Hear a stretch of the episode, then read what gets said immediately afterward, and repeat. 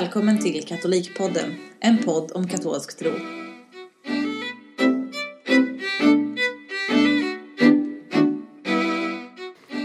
Hej och välkomna till dagens avsnitt av Katolikpodden.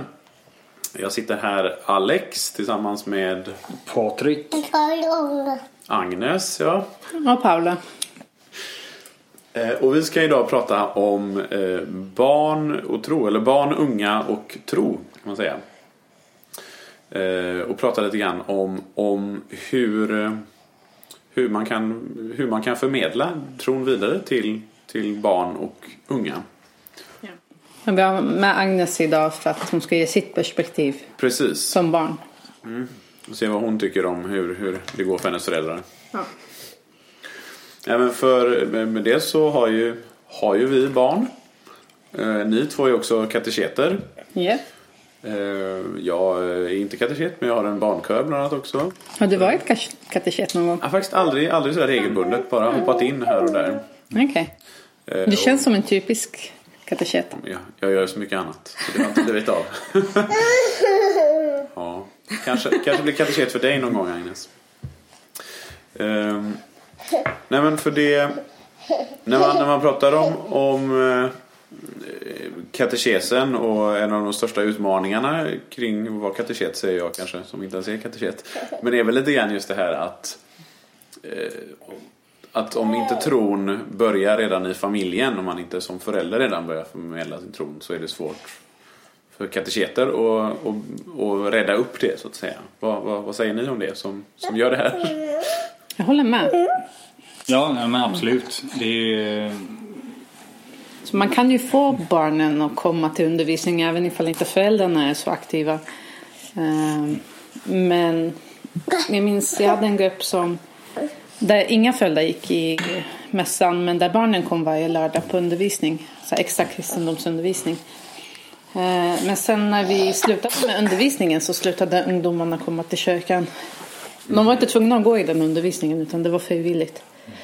Ehm, men ja, jag tror hade föräldrarna varit aktiva så skulle de ha fortsatt gå.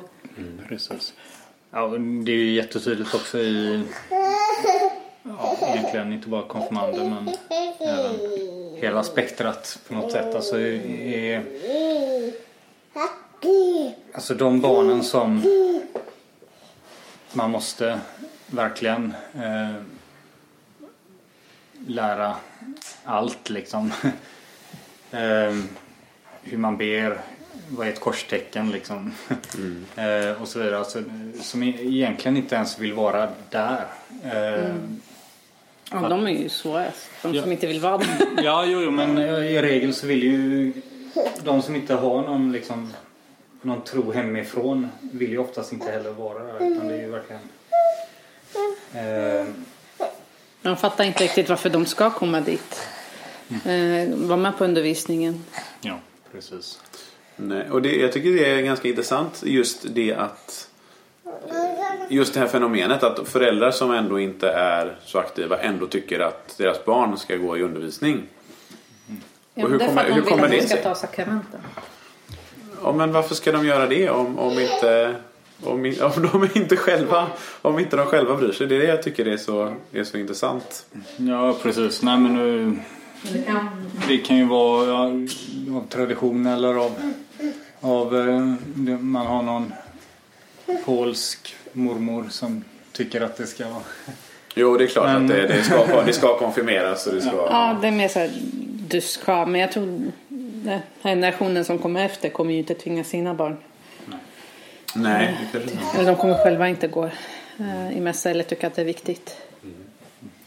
Men vad, vad, vad, vad, kan man, vad kan man göra så att säga? Hur, eh, ur, ur, ur, som kateket så att säga. Vad tänker ni om? Hur, hur hanterar man det? Liksom? Hur kan man ändå, fin- finns det sätt att ändå nå fram? ja, säger Agnes. Det finns sätt att nå fram. Ja, men det är klart det finns. Eh, nu har det funkat ganska bra i alla grupper jag har haft. Eh, choklad funkar. Choklad funkar. ja, precis. Eh, alltså väcka intresse och se till att prata om ämnen som de tycker är viktiga.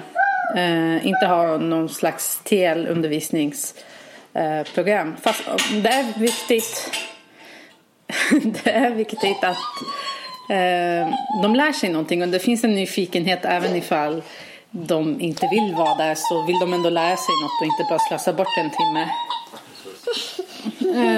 Så gå igenom viktiga ämnen som de behöver kunna men gör det på ett sätt som blir intressant för dem. Det behöver inte vara att man sitter och pratar själv och sen att de ska bara sitta tysta och lyssna under en hel lektion. Eh, sen måste man skapa gemenskap i själva konfirmandgruppen annars blir det väldigt svårt. Alla kommer bara sitta tysta. Eh, ifall inte de känner varandra och känner sig bekväma där. Mm. Eh, och bara påminna om att det inte är tvång. Alltså, deras föräldrar kan inte tvinga dem att ta konfirmationen om inte de vill ta konfirmationen. Nej, precis. Ehm, ja. Det är ju svårare med, med yngre barn så att säga. Där det, då, de har ju kanske inte så mycket att säga till om när de går till första kommunion. Liksom. Nej men det här brukar inte vara ett problem heller. Nej, men, men där är ändå kanske, jag tänker just där är ändå situationen också den här att, folk, att barnen kommer och kanske inte vet så mycket. Eh, och det, för det är just det här hur, eh, man måste ju få med sig tron hemifrån på något sätt. Och jag tycker det, det hur, fast Patrik du, för du, du hade någon idé om, om just det här om hur, om att det var lite olika hur, hur man får med sig tron hemifrån. Om man så att säga har fått, eh, fått liksom prata om tron mer öppet hemma Ja, eller om man har precis. liksom fått lite, om det har varit lite mer korvstoppning. Så är det. Ja, men precis. Nej men eh, absolut. Jag, jag, jag tror ju att, eller tror jag, att jag har sett någon form av liksom undersökning där man liksom kan se att de där man har en mer liksom öppen diskussion hemma, typ vid köksbordet eller vad som helst. Eh, med kanske då främst sina ungdomar som man har där hemma. Eh, så kommer de liksom få verktyg sam, samtidigt eh, för att liksom alltså när de väl efter konfirmation och liknande. Ja. Så att Jo, det är klart. För det, det, det, det måste vara ganska viktigt just det här. För precis som, som alltså, alla, både vuxna och barn så att säga, och ungdomar måste ju få liksom utforska tron så att säga och, stöta och blöta tron och inte bara och just inte bara så här, så här är det punkt slut. För det är ju inte så man, man måste ju liksom kunna få, få brottas med det så att säga och, och erövra tron för, för sig själv så att säga. Ehm, För jag tänker också eh, fundera på det här med eh, liksom, eh, grupper i kyrkan, så att säga, barngrupper och ungdomsgrupper på olika sätt. Alltså som inte är specifikt undervisning utan mm. framförallt kanske ungdomsgrupper men också, som jag har ju med barnkör till exempel. Eh, och det också tycker jag är intressant liksom, hur man i de, hur de, i de lägena där det är liksom, jag ser ju ungdomskören eller säger barnkören som i första hand är det förstås en, en, en kör men det är ju verkligen ett ypperligt tillfälle att, att eh, förmedla tron på, på ett annat sätt än, än i undervisningen tycker jag. För att, just för, eftersom det inte är utan där är de frivilligt och de är först och främst där för att sjunga men eftersom vi sjunger i mässan och eh, det, har med, det liksom relaterar så, så finns det alltid tillfällen att liksom koppla, eh, ja, var, varför, sjunger vi, varför sjunger vi det här? Vi sjunger ett kyrie, vad, vad betyder det? Och man kan hela tiden koppla det till, till tron och till kyrkan på olika sätt. Och, det, och jag tror att det verkligen är, är också en, en jag tror, jag tror att det kan vara en viktig ingrediens just det här att få, få någonting annat som inte är formell undervisning utan andra liksom, tillfällen både för barn och för unga att liksom få, få möta tron Ja. liksom utanför liksom lektionssalen så att säga. Även om kören också är en, men är en annan form av lektionssal. Som jag ska utgå för mig själv så... Ja, förlåt. Eh, mina föräldrar går ju inte till mässan varje söndag. Eh, men det var först via att jag började få hjälpa till eh, på olika sätt via ungdomsgruppen. Eller jag minns inte exakt hur det var. Eh, som jag blev aktiv. Och sen stannade kvar. Jag tror inte jag hade heller stannat kvar. För det är inte så vanligt att man går till mässan. Det är typ påsk och jul i min familj. Just det. Ja, det är intressant. Jo, för, det, jag, för jag... Min familj gick ändå i- till kyrkan varje söndag när jag växte upp. Men det var också just alltså när jag började engagera mig. Alltså, framförallt inte, jag var ju ministrant liksom från att jag var åtta år. Eh, och det var ju verkligen en väg också att, att verkligen lära sig mer om tron på, på ett annat sätt. Liksom, och lära sig mer om mässan. Och det har jag ju verkligen så mycket med mig. Att det, och den, den förståelsen av, av mässan som jag har fått med mig sen, sen dess. Liksom. Och man känner ju sig behövt också. Mm. Vare sig det är att man behöver hjälp med körkaffet eller ministrant mm. eller ta hand om barn under mässan. Eh, så länge man känner att man har ett syfte mm. Eh, så tror jag att man stannar. Eller att man eh, stannar för att lära sig lite mer och sen så förhoppningsvis utvecklas det till någonting. Jo, det är helt sant. Ja, men det du var inne på Patrik om att man ska vara öppen för att ifrågasätta och diskutera vid middagsbordet. Där har man ju också sett att eh, de familjer som, där, som har en mer öppen klimat och där man kan ta upp allting. Eh, de har enklare att stå emot propaganda.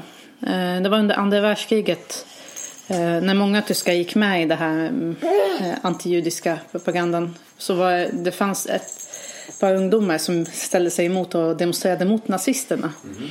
Och där väcktes frågan om hur kommer det sig att de kunde stå emot och inte låta sig övertyga som alla andra. Och i deras familjer där var det mer öppen klimat hemma. Intressant. Det var faktiskt en nazist som, det var en bok jag läste på universitetstiden. Mm. En före detta nazist skrev den boken. Och han undrade varför, hur kommer det sig att han eh, började hata judar men inte de här ungdomarna. Och jämförde då hur familjerna var. Jag kommer tyvärr inte ihåg vad den boken heter eller vad han hette. Så. Men i Linköpings universitetsbibliotek finns den där någonstans för den som vill leta. Just det. Men jag, jag funderar också på det här just alltså Ja men just alltså det kyrkliga engagemanget på något sätt är, är nog viktigt absolut. Men jag funderar Det finns ju absolut de som ändå blir engagerade i kyrkan på ett annat sätt men ändå inte stannar kvar. Eh, för att det, det blir liksom en aktivitet bland, bland andra på något sätt. Att det nu, ja men jag, jag, jag hänger i ungdomsgruppen i kyrkan.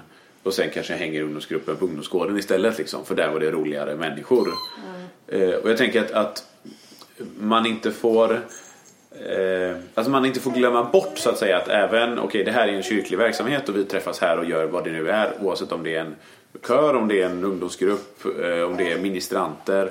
Mm. Att liksom ändå behålla fokus på varför ses vi här? Varför, mm. Vi som är här, varför är vi här? Jo, vi är här för att vi tror på Jesus Kristus och att man, den som är ledare någon mån, måste ha det för måste ha det siktet inställt på det hela tiden. Att det ändå det här är ett tillfälle att liksom fördjupa tron för alla. Alltså det blir, det blir annat när det är kanske vuxna och det är liksom olika grupper av då, då, då har de ändå valt verkligen aktivt att gå dit. Men just när det gäller barn och unga tror jag att det är jätteviktigt för det eh, men jag har hört som, som eh, jag behöver inte peka ut eh, folk eller församlingar här. Give me men, name, give me nej men en, en församling jag känner till. Där, där de menar att de har en välfungerande ministrantverksamhet men där det just inte är så mycket fokus utan de, de har duktiga ministranter och de gör det bra. Men man har liksom inte så mycket tron i fokus. Alla vet vad de ska göra och hur de ska göra. Men de vet inte varför. Och det, det blir liksom bara en... Det, det blir lite ytligt. Ja. ja. men precis. Alltså de, de ministrerar bra. Men, men det går inte bortom att så här, nu ska vi gå hit, nu ska vi svinga rökelsekaret hit. Mm. Utan och den här djupare förståelsen för, för mässan och för ministreringen och det, det har liksom inte kommit med på något sätt.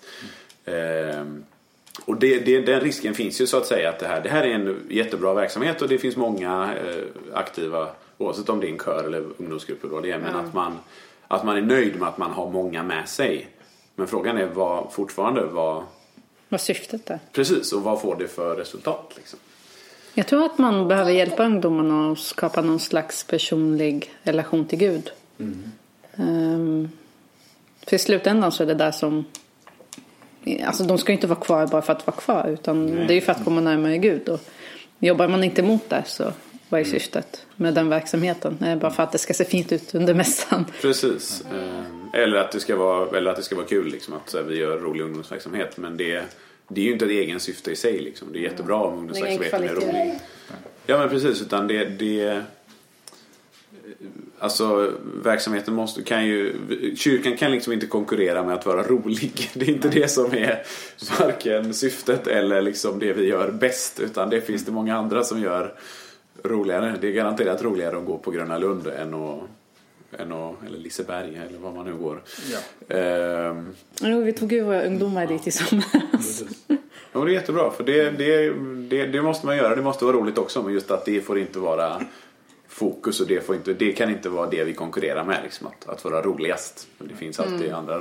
Utan det är kyrkan och andra värden som, som lockar. Och just, just det du nämnde, det här att man måste leda barn och unga till en relation med Jesus. För det är där det, är där det bottnar. Liksom. Det, det, det är ju det vi vill. Det problemet med de barnen som vi har fått i undervisning, de är helt underbara. Men de kommer och eh, det finns inget böneliv. Nej. Varken så att hemma har de inte lärt sig att be för att föräldrarna ber inte eller inte har visat dem att man kan be. Eh, varken att de kan be med egna ord eh, eller bönerna som Fader vår. Eh, det försöker vi jobba med nu i vår grupp. Precis. Men jag tror också att det är lika viktigt att ja, konkretisera det hela också. Alltså, visst, de kan hålla på att lära sig pladdra igenom massa böner men vad innebär det här liksom? Alltså vad, eh, hur, precis som du nämner, alltså den här liksom personliga biten och den personliga liksom, relationen till Gud är ju jätteviktig. Eh, och det kan vara alltså, likadant alltså, att sitta och, och lyssna på evangeliet i mässan. Alltså, Oftast kanske prästen. Eh, ja, man kan, det är inte alla som har kanske förmånen att ha en barnmässa att gå till med sina barn. Där liksom predikan är liksom anpassad. Eh, men för barn. Och Alltså vad, vad, vad sa dagens evangelium? Vad, vad betyder det här ordet? Eh, vilka var de här som Jesus pratade med? Vi, vad, och även liksom vad betyder det här för, För eh, oss. för oss idag? Alltså, och även liksom ha ja, men, eh, högt i tak på något sätt. Alltså, där liksom barnen får uttrycka sig och komma med idéer. Och, ja, oftast är det ganska bra vettiga saker och perspektiv som man kommer med. Ja, och det, det kan, ju- som verkligen kan vara liksom andra än de man, än de man förväntar sig. Eller de man liksom... Ja, I vår grupp så brukar vi eh, avsluta en termin med att de får eh, ge förslag på kommande ämnen att ta upp. Och på så sätt så kan man rikta lite undervisningen efter vad de vill veta. Ehm, sen gäller det också att inte fastna i vad man inte får. Eh, för det vet jag är ganska lätt i katekesundervisningen att man går igenom det här är en synd, det här är en synd, de här är de tio gudbudorden. Eh, men att även, eller egentligen främst fokusera på dygder. Och hur blir man en god person? För att strävar man efter det så brukar man undvika det dåliga. Eh, och det blir inte så negativ klang under hela undervisningen med att det är massa saker man inte får och allt är så tråkigt. Ja men precis, alltså det är ju jag menar, tron handlar inte om vad man inte får. Det är inte, Ja, det, men- det, är inte det som, är, som, som, eh, som tron går ut på. Det är inte det som kyrkan vill förmedla. Liksom. Det är inte det som är poängen heller. Utan det är som du säger, det är en konsekvens av, av det andra. Av det som är gott, av det som är dygdigt. Liksom. Men jag tänkte också ehm, just eh, kring, kring eh, liksom grupper som, hur, de, hur stora grupper det är kan ju också verkligen vara en, en svårighet i hur man, hur man kan nå fram så att säga. Eh, både när det gäller liksom barn och men inte minst ungdomar tror jag ännu mer att det Alltså just att man har ju ofta ganska stora grupper liksom och att det då eh, kan vara svårt att få den här liksom personliga att för, förmedla det på ja, personliga kontakter och att liksom komma, komma på djupet på saker. Liksom. Och, du nämnde också just det här att man behöver ha att, att man behöver ha en bra gemenskap i gruppen och jobba med det. Ja. Eh, och för att det är ju det, det måste, om man ska kunna liksom våga, våga också ställa frågor och våga vara öppen och, och kunna komma vidare och också kunna som, som ledare förmedla saker så måste det, så måste det finnas en tillit liksom och en gemenskap. Ja. Jag, jag tycker personligen 15 är någon slags tumregel. Ja. Ehm, för sen blir det ganska svårt att komma ihåg allas namn. Eh, nej men det blir svårt. Dels de kommer inte våga eh, om inte de är väldigt extroverta eh, att prata. Och sen så kommer det bli svårt för oss att få den här personliga relationen med dem. För jag gillar att ställa frågan, ja, men vad gjorde du under jul? Och har jag 20-25 stycken, det blir för många. Ja. Då har hela undervisningen gått. Ehm, Man har bara kommit halvvägs. så ja, men jag skulle, hade jag varit kyrkoherde eh, så hade jag nog sett till att man inte hade för stora undervisningsgrupper även ifall det är svårt att få till det tidsmässigt. Man går miste om så mycket eh, kvalitet eh, Eh, i undervisningen genom att ha kanske 40 elever eller jag vet att vissa stora församlingar har väldigt många eh, men de har inget annat val för de har inte tillräckligt med kateketer och så men hellre att man delar upp dem i mindre grupper. För det finns ju en... Eh, det finns ju någon slags här, missionsmodell, jag vet inte vad man ska kalla det, som, som jag talas om, som jag inte minns vad den heter exakt. Men som går ut på att man verkligen har väldigt små enheter liksom. Där, där du har en... eh, Och jag tror att det är framförallt för typ, ungdomar, unga vuxna. Där du har liksom en person som leder eller som tar hand om typ två personer. Och leder dem och undervisar dem liksom på ett, på ett verkligen närmare närmare plan på ett djupare att du får liksom, då har du verkligen det två, två personer som blir liksom, det heter discipleship någonting. Så att de, de blir liksom dina lärjungar i någon mån. Eh, och där man verkligen liksom Satsar på dem. Ja men precis, och där, där, då, då är det klart att då behöver man ju folk som, då behöver man många som, som gör detta. Men då, då, då når man ju liksom, då når man ju de här personerna på ett helt annat sätt. Ja. Jag tror de kallas för faddrar. Ja, det, så kan det också vara.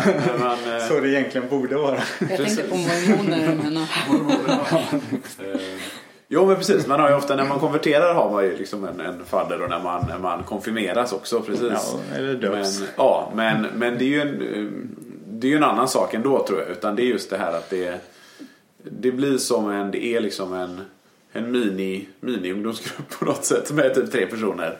Och där man verkligen, och så kan man ju fortfarande ha det som en, alltså att man ses en gång i veckan eller när man nu ses. det är svårt att göra det med barn. Ja, med barn tror jag att det är svårt. Utan det är ju så här ungdomar och unga vuxna. Men jag tror verkligen att, att det kan vara... För då får, det är som, då får man en helt annan kvalitet liksom i, i de samtal man kan föra och liksom... Ja, det, blir en det helt blir ju annan på en grej. helt annan nivå ja. Men Ja, det kräver mycket mer resurser också. verkligen.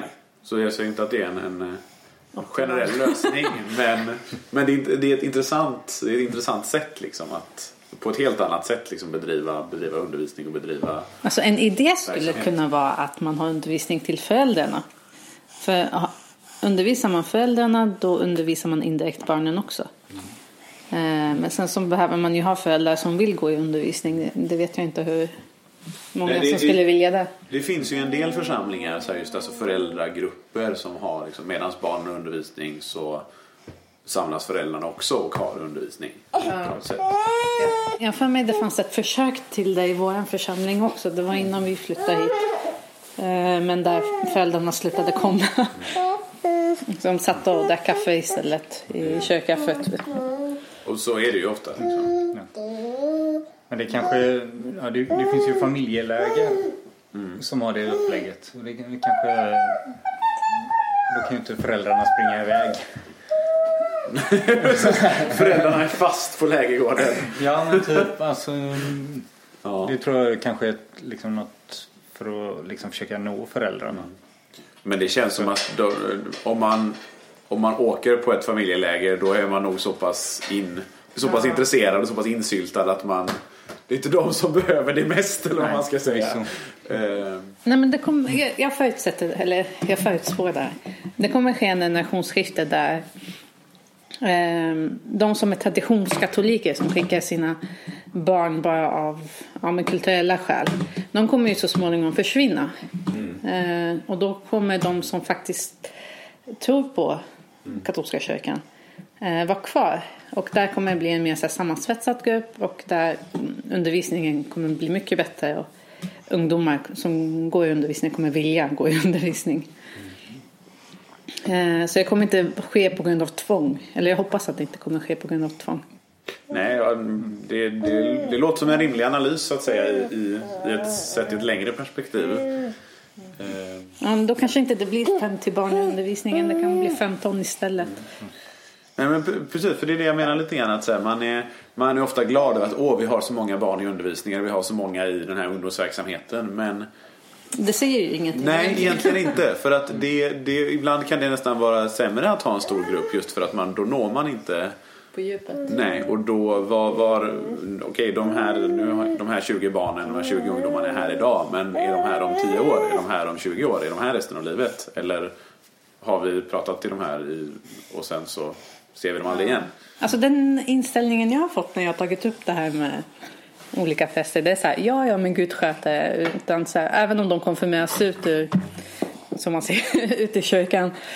ehm, man bryr sig inte. Alltså det finns inte här, jaha, vi har förlorat massa människor. Utan ja, ja, de får gå. Och det är en sorglig inställning. Ja, det kan jag hålla med Framförallt när jag kommer från personer som jobbar i stiftet. Ja, nej men precis. Ja, det är klart att vi, vi det är inte vi, våran förtjänst så att säga men Gud kan ju använda oss som verktyg. Det är ju det. Ja. Det är inte alla som är som Paulus som blir drabbade av Gud på ett så direkt sätt. Utan de flesta, ja, det är ju de mänskliga relationerna och den, de vi möter och det vi upplever då, genom olika personer som, som vi tar till oss av. Fader Baron tar ju upp dig i... så här- Bishop Barron har jag glömt. Jag glömmer alltid att säga Bishop nu. Eh, Men han tog upp det i något så jättegammalt avsnitt att ehm, man hade gjort en undersökning i USA eh, där man skickade ut en enkät till katoliker som hade skrivit ut sig ur kyrkan och så här, hur kommer det sig att du skrev ut dig? Ehm, och då var det många som hade svarat ja, men för att ingen brydde sig. Alltså så här, det var första gången någon hade ens tänkt tanken att de skulle skicka ut en enkät för att kolla. Men det var så här, ingen brydde sig att de skrev ut sig eller ingen visade ens intresse att de kom. Eller... Nej, Sen så kunde det ha varit att de ifrågasatt vissa frågor inom kyrkan men det var ingen som från kyrkans sida som försökte bemöta det utan man lämnade dem. Fast det är inte alltid det så heller för det vet jag att det präster som har berättat liksom att de ändå försöker så här påpeka när, folk någon, går, försöker, när någon lämnar in ansökan att lämna kyrkan. Ja men ja, du kommer inte få en katolsk begravning. Ja, men precis. men det är Och att folk blir inte... upprörda då istället. Och vad, vad då då? Eller så här. Fast då blir det mer en, en hotfull situation. Jaha, men om du skriver ut dig så kommer du inte få en katolsk begravning. Vilket makes sense för att man respekterar din vilja och inte vara katolik. Men alltså, det blir ju inte så här, varför skriver du ut dig? Nej, det är sant. Som är mer öppen. Utan så här, jag tror katoliker är lite bekväma. Ja, men vi är så pass många. Vad, vad gör de en eller två skriver ut sig? ja, kanske det. Jag vet inte. Men, ja, men det är ju sorgligt. Det är egentligen jättesorgligt att folk lämnar. Jo, men och det, och det är ju det. det. Det här att folk lämnar, det börjar ju redan när de är så stora som Agnes liksom. Kryper runt här. För det, det Får man med sig tron från familjen och får man en bra undervisning i kyrkan då ökar ju chansen att man faktiskt kan, kan ta till sig av, av tron och kan, kan liksom verkligen få, få, få möta Gud så att säga och få, få en relation med Jesus. Men om man inte har fått det på vägen då är det väldigt svårt att eller då, är- då, är- ja, då är- får man mycket sämre förutsättningar så att säga att i någon slags vuxen ålder motivera till jaha men okej jag har varit med i kyrkan men vad, det har aldrig gett mig någonting så att säga. Jag har aldrig Sen finns det ju de, jag tänker nu har vi talat illa om stora grupper men jag tror att det kan finnas de som kanske lockas dit för att träffa vänner och så. Sen så utvecklas det till någonting djupare. Ehm, Den vägen kan man också gå. Ja, absolut. Ja, och det, tänker jag alltså på de större verksamheter som, som SUK gör till exempel med stiftelsedagar och världsonsdagar och sådär. Där, Det kan hända någonting. precis, där man... Där, men det är också intressant för det, där tror jag ändå att det måste finnas en någon slags vilja av att det ska hända någonting, att man måste vara öppen för det. För jag vet också när jag var 16 och åkte på världsonsdagen första gången då var jag ändå engagerad i kyrkan men då var jag verkligen så här, då var jag intresserad, inte intresserad av det kyrkliga utan bara av att träffa folk och ha kul. Ja. Och det var jättekul men det var också det enda som var. För att så här, då var jag inte intresserad av något annat och då var jag inte mottaglig för, för allt det som man kan vara. För allt det man kan få liksom. Jag tänker på de nordiska ungdomsdagarna som var nu i Vadstena för något år sedan. Ehm, där hände någonting för att ungdomar som hade åkt på den kom tillbaka och bara, ah, men jag biktade mig för första gången och alla grät när de tog fram sakramentet och det var så här underbart. Och sen så har jag dött ut lite nu men den, det startades någonting där hos många. Jo, men det, det, det tror jag absolut. Och, det, det, men, och just även där, vad, vad man gjorde rätt där tror jag. Jag var med på en del av dem i alla fall. Eller på en del av helgen. Eh, just att man hade liksom Gud i fokus. Att man hade... Att det var inte bara en helg för att träffas och ha kul. Och Som det var brukar vara. Ja men, ja men precis, och det, och det är det också. Det är jätteviktigt att det är det för att just bilda den här gemenskapen och ha kul tillsammans. Ja. Men att man hade liksom ett tydligt fokus på, eh, på Gud. Man hade tillbedjan, man förklarade vad detta var. Man gav liksom så många ingångar eh, som möjliggjorde för, för, att det, för att det skulle liksom, för att folk skulle ta till sig av detta. Och då får man ju god frukt. Men, men Men ja, det har funnits lite. När jag började engagera mig i SUK på så här, riksnivå. Där fanns det någon slags här, syn på att ja, men man ska ha så mycket kul som möjligt. Det ska vara fotbollsturnering, det ska vara roliga aktiviteter, annars vill ingen gå. Och jag var lite så här, ja men låt ingen komma då. Eller det. Jo, men jag, jag håller helt med dig. Det, var- för så var det egentligen också när jag var ordförande för SUK för snart tio år sedan. Då var det liksom mycket det som var eh, fokus, liksom att så här, vi måste ha verksamhet och ha kul. Och vi ska ha med Gud också så att säga, men att det var... SUK är Sveriges unga katoliker. Jag tänkte att det inte alla som...